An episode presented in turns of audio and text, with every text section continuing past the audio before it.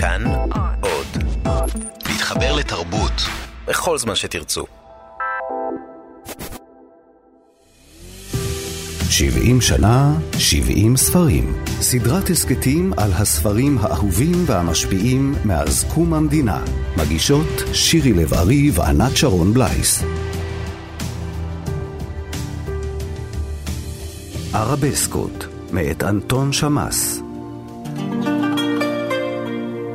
אחרי שהוא מת מצאתי בתיק העבודה שלו זה כל מיני קטעי עיתונות מקופלים שאף פעם לא גילה לי שהוא שומר על זה. זה קטעי עיתונות בערבית שכתבו עליי כשהוצאתי את ספר שלי בערבית. ולידם הייתה איזו סכין כזאת קטנה, שאני... היא מופיעה בספר, וזה הסכין שנהגו לקשור בה את פי חיית הטרף.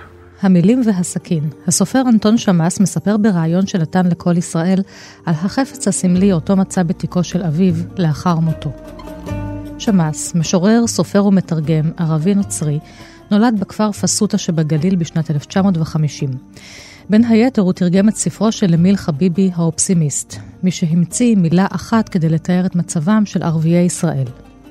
הרומן הרבסקות, שראה אור בשנת 1986, הוא הרומן היחידי שלו, ושמאס כתב אותו לא בשפת אמו, כי אם בשפה העברית. ואם אנחנו ככה אוהבים לפרש כל מיני סמלים שאנחנו נתקלים בהם בחיי היום-יום, אז לי נראה שהוא פשוט קשר את פי חיית הטרף של השפה הערבית, ונתן לי לצאת לעולם, כאילו, שהוא מעבר לאופק שלו, מצויד בסכין הזאת כדי לכבוש את השפה העברית. ועכשיו, אני כאילו מחזיר לו את זה, זה חוב של כבוד כזה, אני מחזיר לו את הסכין סגורת להב, כלומר לא, לא עם להב שלוף, אלא היא סגורה, ואני מחזיר, מחזיר את זה לתוך תיק העבודה שלו עם הספר. כדי שלא להאריך בסיפור, כפי שהיה דודי אומר, הוברח הבן בעוד מועד מאותו הכפר שבגליל התחתון, ובא והתיישב אצל בן דודו בכפר פסוטה, הוא כפר ילדותי, הבנוי על חורבות מבצר פסובה, הצלבני, הבנוי על חורבות מפשטה, הכפר היהודי שישבה בו לאחר חורבן בית שני, משמרת הכהנים חרים. במרכז הרומן סיפורה של משפחת שמאס על שלל דמויותיה, ממורדות סוריה ולבנון דרך מלחמת 48 אל חיי הכפר בפסוטה. בהמשך המאורעות עוברת המשפחה מן הכפר הקטן אל העיר חיפה, ושוב היא צריכה להסתגל לשינויים גיאוגרפיים ולאומיים. אני עזבתי את הכפר בגיל 12 אה, בשנת 62. זה, זה, זה, זה באמת תהליך של, של התרחקות, שזה מתחיל בהתרחקות פיזית בהתחלה, ואחר כך כל פעם שהייתי חוזר לכפר אז הייתי מגלה אה, עד כמה הרחקתי לכת. הרומן הזה הוא למעשה אוטוביוגרפיה בדויה של הסופר, הכתוב כארבסקה. סיפור אחד מתקשר לקצהו של סיפור אחר, שזורק את הקורא לזמן אחר ונושא אחר, מזיכרון לדמיון ובחזרה. והכל בעברית שמאסית. חוקרת הספרות דוקטור קציעה אלון מספרת על הייחודיות של הרומן. שליטתו של אנטון שמאס, שהעברית אינה שפת האם שלו. בעברית היא מושלמת. היכולת שלו לצטט מן התפילה, מן הגמרא, התלמוד, מביאליק, מעמיחי, ולשלב את הכל במארג טקסטואלי מרשים ביותר. שלמעשה מספר את סיפור חייו. ויחד עם זאת, ישנה תחושה שהספר מצליח לאחד בין שני קצוות זמן. פרקי הספר מלווים בקטעים מתוך טקסטים שונים העוסקים במהות הכתיבה, הלשון והזהות. למשל, אז אה, אנחנו נתחיל דווקא במשהו שהוא מוטו, שכותב שמאס כפתיחה לאחד מן החלקים של הספר, והוא מצטט את יהודה עמיחי. חלון ראווה מקושט בסמלות נשים יפות, בצבעי תכלת ולבן, והכל בשלוש שפות, עברית, ערבית ומוות. הספר שהתחיל כרומן משפחתי כחזרה על זיכרונות הילדות, הפך לרומן העוסק בשאלת הבעלות על השפה. של מי העברית. שמאס עצמו אמר כי הרומן הוא מעשה תרגום של הזהות הערבית הגלילית שתורגמה לערבית ישראלית ואחר כך לפלסטינית באותיות עבריות ולבסוף לפלסטינית ישראלית למרות הכל ועל אף הכל. ובזכות העברית. הוא עצמו, מבחינת הזהות שלו, כמעט שלא הזדהה עם אף אחד. הדבר הכי בולט אצלו היה שהוא לא שייך לאף אחד, הוא לבד, הוא בודד. אולי כערבי פלסטיני, אולי כמשהו אחר. זה נורא נורא בלט שהוא לא שייך לאף אחד. דוקטור יצחק אורן שהה בסוף שנות ה-80 בבוסטון בשליחות משרד החוץ, והוא פגש שם את שמאס באירוע שנערך לכבודו במרכז לדיאלוג ערבי-יהודי. שמאס דיבר שם על השפה. למי שייכת השפה? השנה הייתה בערך 1988, שזה פלוס מינוס שנתיים אחרי שיצא הספר. אנשים שם הקשיבו בעמידה וכמעט שהיו תלויים על החלונות. והוא בדרכו המאוד שקטה, מאוד מתונה, דיבר בעיקר על, על שפה כמרכיב של זהות. הוא אומר, אתם שאלתם את השפה, אתם משתמשים, ייתכן שהיא שייכת לכם, אבל אתם לא באמת חיים אותה. הוא אמר, תיקחו את המילה מלח. הוא מרצה באנגלית, אבל אז הוא אומר מלח. ככה מבטא אותה. אומר, זה גם בעברית וגם בערבית. המוצא של זה הוא שומרי או אכדי או משהו. אבל אנחנו שחיינו על האדמה, ושזו שפתנו ושאלה חיינו, בערבית אתה מוצא את המלח בהטיות ובהשאלות ובדימויים, וזה נתן איזה עשרים או כמה... הוא אומר, אז זה נכון שהיהודים יודעים להגיד מלח הארץ. או יש אולי עוד איזשהו דימוי, אבל הם עוברים ליד זה, הם לא חיים את זה, כי מלח זה הרבה יותר מהמילה.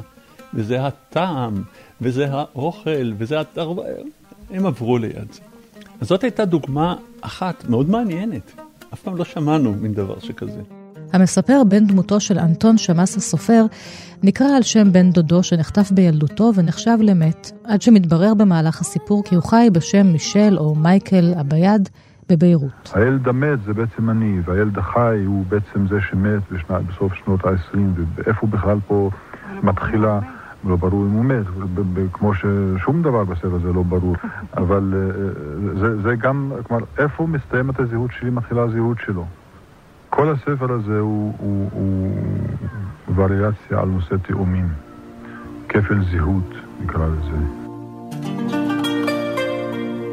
בהמשך הרומן מסופר על מסעו של אנטון שמאס לסדנת הכתיבה בארצות הברית, שם יפגוש כותבים נוספים, ומולם ינסה לברר מיהו בדיוק, ערבי ישראלי או ערבי פלסטיני או פלסטיני ישראלי, ולבסוף הוא יהפוך את הזהות על פיה באמצעות עימות עם הסופר יוש, יהושע בר-און, שמעוניין לכתוב ספר עם גיבור ערבי. יש כאן יותר מרמז לסופרים הישראלים ששמאס מבקר אותם על הדרך שבה הם כתבו דמויות ערביות בספרים שלהם. ביניהם א' ב' יהושע ועמוס עוז עם זוג התאומים שלו במיכאל שלי. אני כותב רומן חדש שגיבורו הוא משכיל ערבי, אמר לי. ונראה לי שלעולם לא תיפול עוד לידיי הזדמנות פז שכזאת, להימצא במחיצתו של איש שכזה בתנאי בידוד אידיאליים. הסתכלתי בו בפליאה ואמרתי, יש לנו קושי קטן. אני לא רואה את עצמי משכיל, אלא סתם אינטלקטואל. הוא צחק ופמפם במקטרתו הכבויה. וחוץ מזה, אמרתי, אני מקווה שלא תנשוף בעורפי כל ארבעת החודשים האלה. מיד התחיל להצטדק, שמא לא ניסח את מחשבותיו כיאות. אינני מבקש, אלא להכיר אותך מקרוב, אמר, ובו בזמן לשמור על מידה של ריחוק אסתטי בינינו, למען האמינות. אשתדל כמיטב יכולתי שלא לאכזב אותך. אחר כך נרדם, ואמרתי בליבי, אולי אכין לו, עד שיתעורר משנתו, אוטוביוגרפיה מדומה, בדיה, שתגן עליי כביכול, מפני עיניו הבוחנות ומפני גחמותיו. בסדנה הזו המדוברת באיואה נמצא אותו סופר ישראלי שמאלני הקרוי יוש בר-און, שהוא בן דמותו של א' ב' יהושע.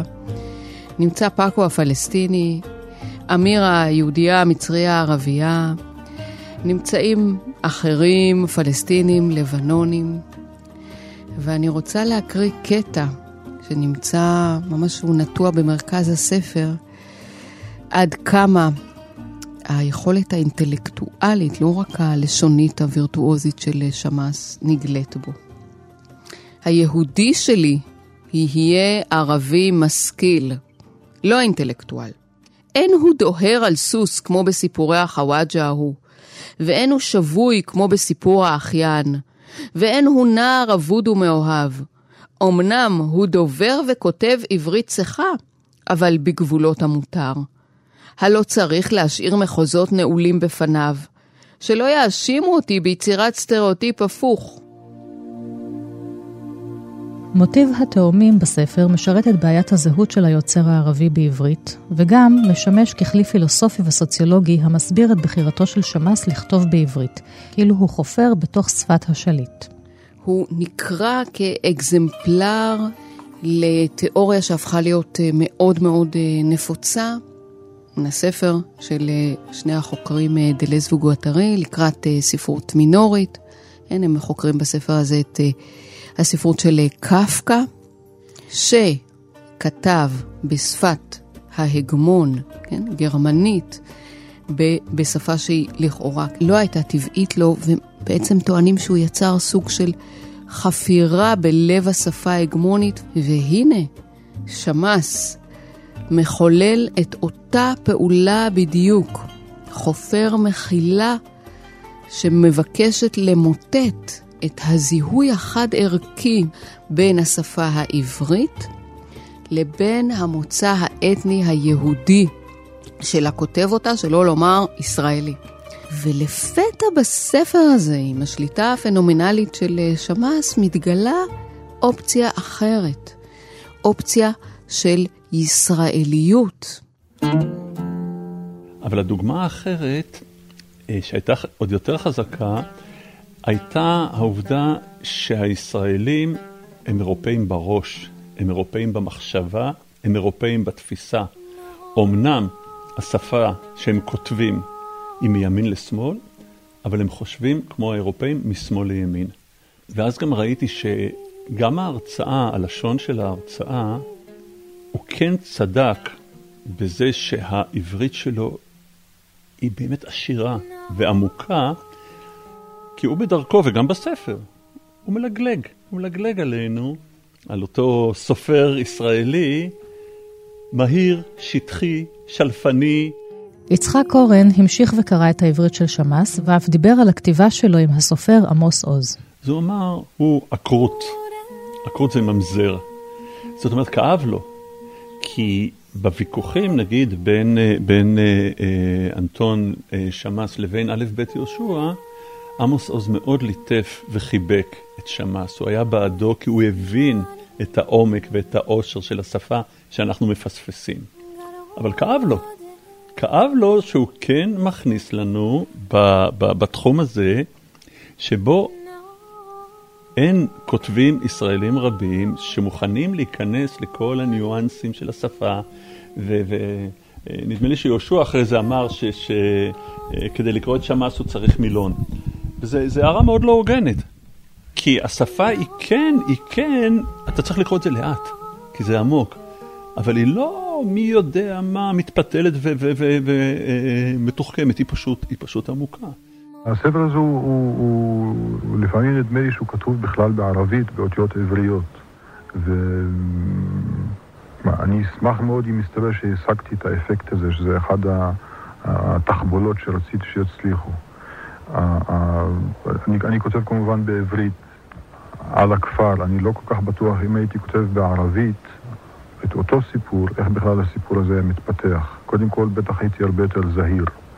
כלומר, אני, השפה העברית אה, באופן פרדוקסלי ומדומה מעניקה לי פה איזה ביטחון כזה. בפתח הספר מופיע מוטו. רומן ראשון בדרך כלל הוא אוטוביוגרפיה מוסווית. אוטוביוגרפיה זו היא רומן מוסווה. כלומר, אנטון שמאס נתן לנו מפתח קריאה כשהוא מצביע על החוט הזה בין האמת לבדיה, כאשר השפה היא גם גילוי וגם כיסוי, אם להשתמש בשם מאמרו המפורסם של ביאליק. הוא מנפץ לחלוטין את המוסכמות שאיתם אנחנו באים גם אל הספרות וגם אל המציאות. אם כאן קרקס הזהויות הופך לפרודיה, הרי גם העלילה הופכת להיות כל כך סבוכה, והאנשים הולכים ומתחלפים, ואנחנו כבר לא יודעים האם הבנים של אותה סוריה שהוא מחפש אחריה, אותה אישה הערבייה, הבלונדינית, שהוא רודף אחריה ואחרי בניה, היא אמיתית, היא פרי דמיון, מה קורה ומי הוא מי? באחד העמודים בספר כותב שמאס על הטבח בסברה ושתילה, והוא מכניס לשם את הגיבור מישל אביעד, הכפיל של הסופר, כמי שהיה עד למראות. בחוברת טיים מ-27 בספטמבר 1982 הופיעה כתבה מצולמת על הטבח במחנות הפליטים סברה ושתילה במערב ביירות, ובין שאר דברים הובאה בעדותו של איש שסיפר על אביו שניצל במשך 50 שנה מכדורי האנגלים ומהפצצות הישראלים, אבל לבסוף הכריע אותו צורת הצלב שנחרטה על חזהו בסכיני הפלנגות. אחר כך הובאה עדותו של אחד מעובדי מרכז המחקרים הפלסטיני, שעבר בבוקר הטבח רכוב על אופניו ברחובות של מחנה סברה. בצידו הימני של העמוד שהופיעו בו שתי העדויות זו בצד זו, הופיעו שלוש תמונות ממראות הטבח. בקדמת התמונה התחתונה נראה סוס שקרס באמצע השתייה וראשו עודנו שעון לחוד ולא לחוד על דופן החבית. מעליו תמונה של שני ילדים שרועים על האפר, ובראש העמוד תמונה של איש רכוב על אופניים, מביט לשמאלו ורואה שתי גופות על יד המדרכה. בכיתוב שמתחת לתמונה נאמר דוקטור מייקל אבייט, סופר וחוקר אמריקאי, מביט בחללי הטבח במחנה סברה. טעם צורב יש לה לעיתים לסוכריית הזיכרון האדומה.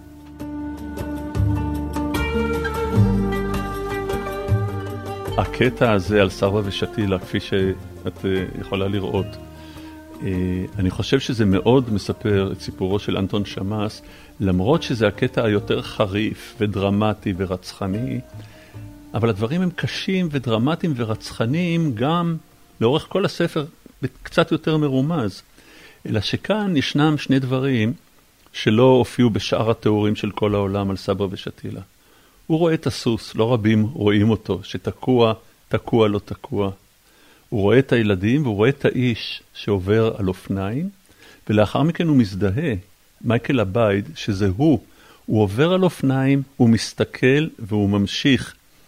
כי כן, הוא חלק מהדבר הנורא הזה, ולא, הוא לא רוצה להיות חלק, והוא מעדיף לעבור על אופניים, להסתכל, וטעם הזיכרון נשאר איום ונורא. זה במידה רבה סיפור חייו של אנטון שמאס, כך אני תופס אותם. זה במידה רבה, לטעמי, תסכול שלנו, הישראלים, שהוא לא המשיך לכתוב בעברית יצירות כאלה, מאוד מאוד חסר לנו. אני מרגיש שכל מעשה הכתיבה הזה היה מין איזה מחווה אליו. שמאס שב ומדבר על כתיבת הספר כסגירת מעגל עם אביו, שניסה בעצמו לחיות בעברית משעה שהפך להיות אזרח במדינת ישראל. ג'סטה כזאת ל... לאיש ש... שניסה בשנות החמישים להשתלט על השפה העברית. ניסה ללמוד אותה ככה מכל מיני ספרים, מקראות כאלה שיצאו בשנות ה-40 בשביל עולים חדשים. ואז כנראה הוא הרגיש גם כן זה עולה חדש בתוך העולם הזה של... שהתרגש עליו פתאום. אנטון שמאס עזב את הארץ לפני שנים רבות והוא חי כיום בארצות הברית, גולה מרצון. אני עורכת את התוכנית הזאת בימים בהם עבר בכנסת חוק הלאום, וחושבת על הסופר שבחר לכתוב עברית כדי לקרב אותנו אל הערבית, ואחרי שסיים את מעשה האלף לילה ולילה שלו, לא ראה לעצמו כל ברירה אלא להגר מכאן. ואני מזכירה שהספר הזה נכתב ב-1986. והפער הזה בין היכולות הלשוניות, האינטלקטואליות, הספרותיות של שמאס, יליד הכפר פסוטה שבגליל, לבין המציאות החברתית של אותם ימים בישראל, הפער הזה היה כנראה גדול מדי, והחבל המטאפורי שקושר אדם לכברת הארץ בה הוא נולד, פשוט אה, ניתק ונעלם באופן אה, מצער מאוד. הדור שלי לפחות, שגדל לתוך שנות החמישים, לתוך הבראשית, ימי בראשית של הממשל הצבאי, ואחר כך עבר את המחסום הזה, וכאילו היה דור ראשון לגאולה, אם נשתמש במונחים האלה. הגאולה הזאת הייתה מדומה למדי, הייתה אפילו מתסכלת למדי, הייתה ריקה למדי מכל תוכן. זוהי עונת ציד, הטרף הוא עוד בית של יונה המנסה לשרוד תחת שלטון העית בוא נעשה משהו אופטימי יותר, עד כאן התוכנית על הספר הרבסקות מאת אנטון שמאס. תודה לאמוץ פרידמן על קטעי הקריאה, באולפן ענת שרון בלייס, תודה לכם ולהתראות. עברתי על החוק, לא לא החוק עבר עליי, די די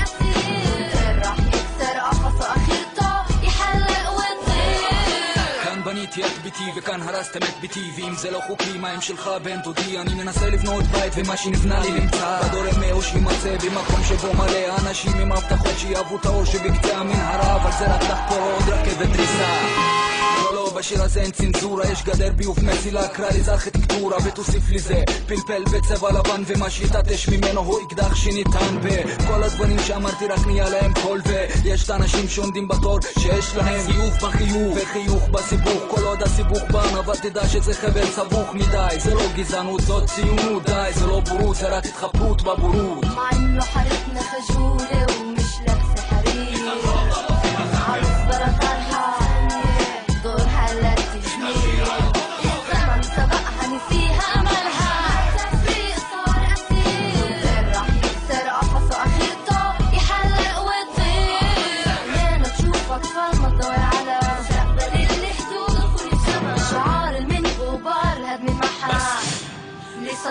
המטפה בית הרוס ובגינה שמונה מסילות וביום עוברות לפחות 200 רכבות. מאחורי החורבה גדר הפרדה שאמור להיות בין הבית למסילה. אך זה נמצא בין שניר לבין ניר צבי וטענת עירייה שהכל שם לא חוקי השנייה. שנייה מה עם השכונות החוקיות שיש בהן. קופת חולים מוקפת בביוב. גן ילדים מוקף בביוב. על זה אין תירוץ פשוט העלייה לערבים לא דאגה.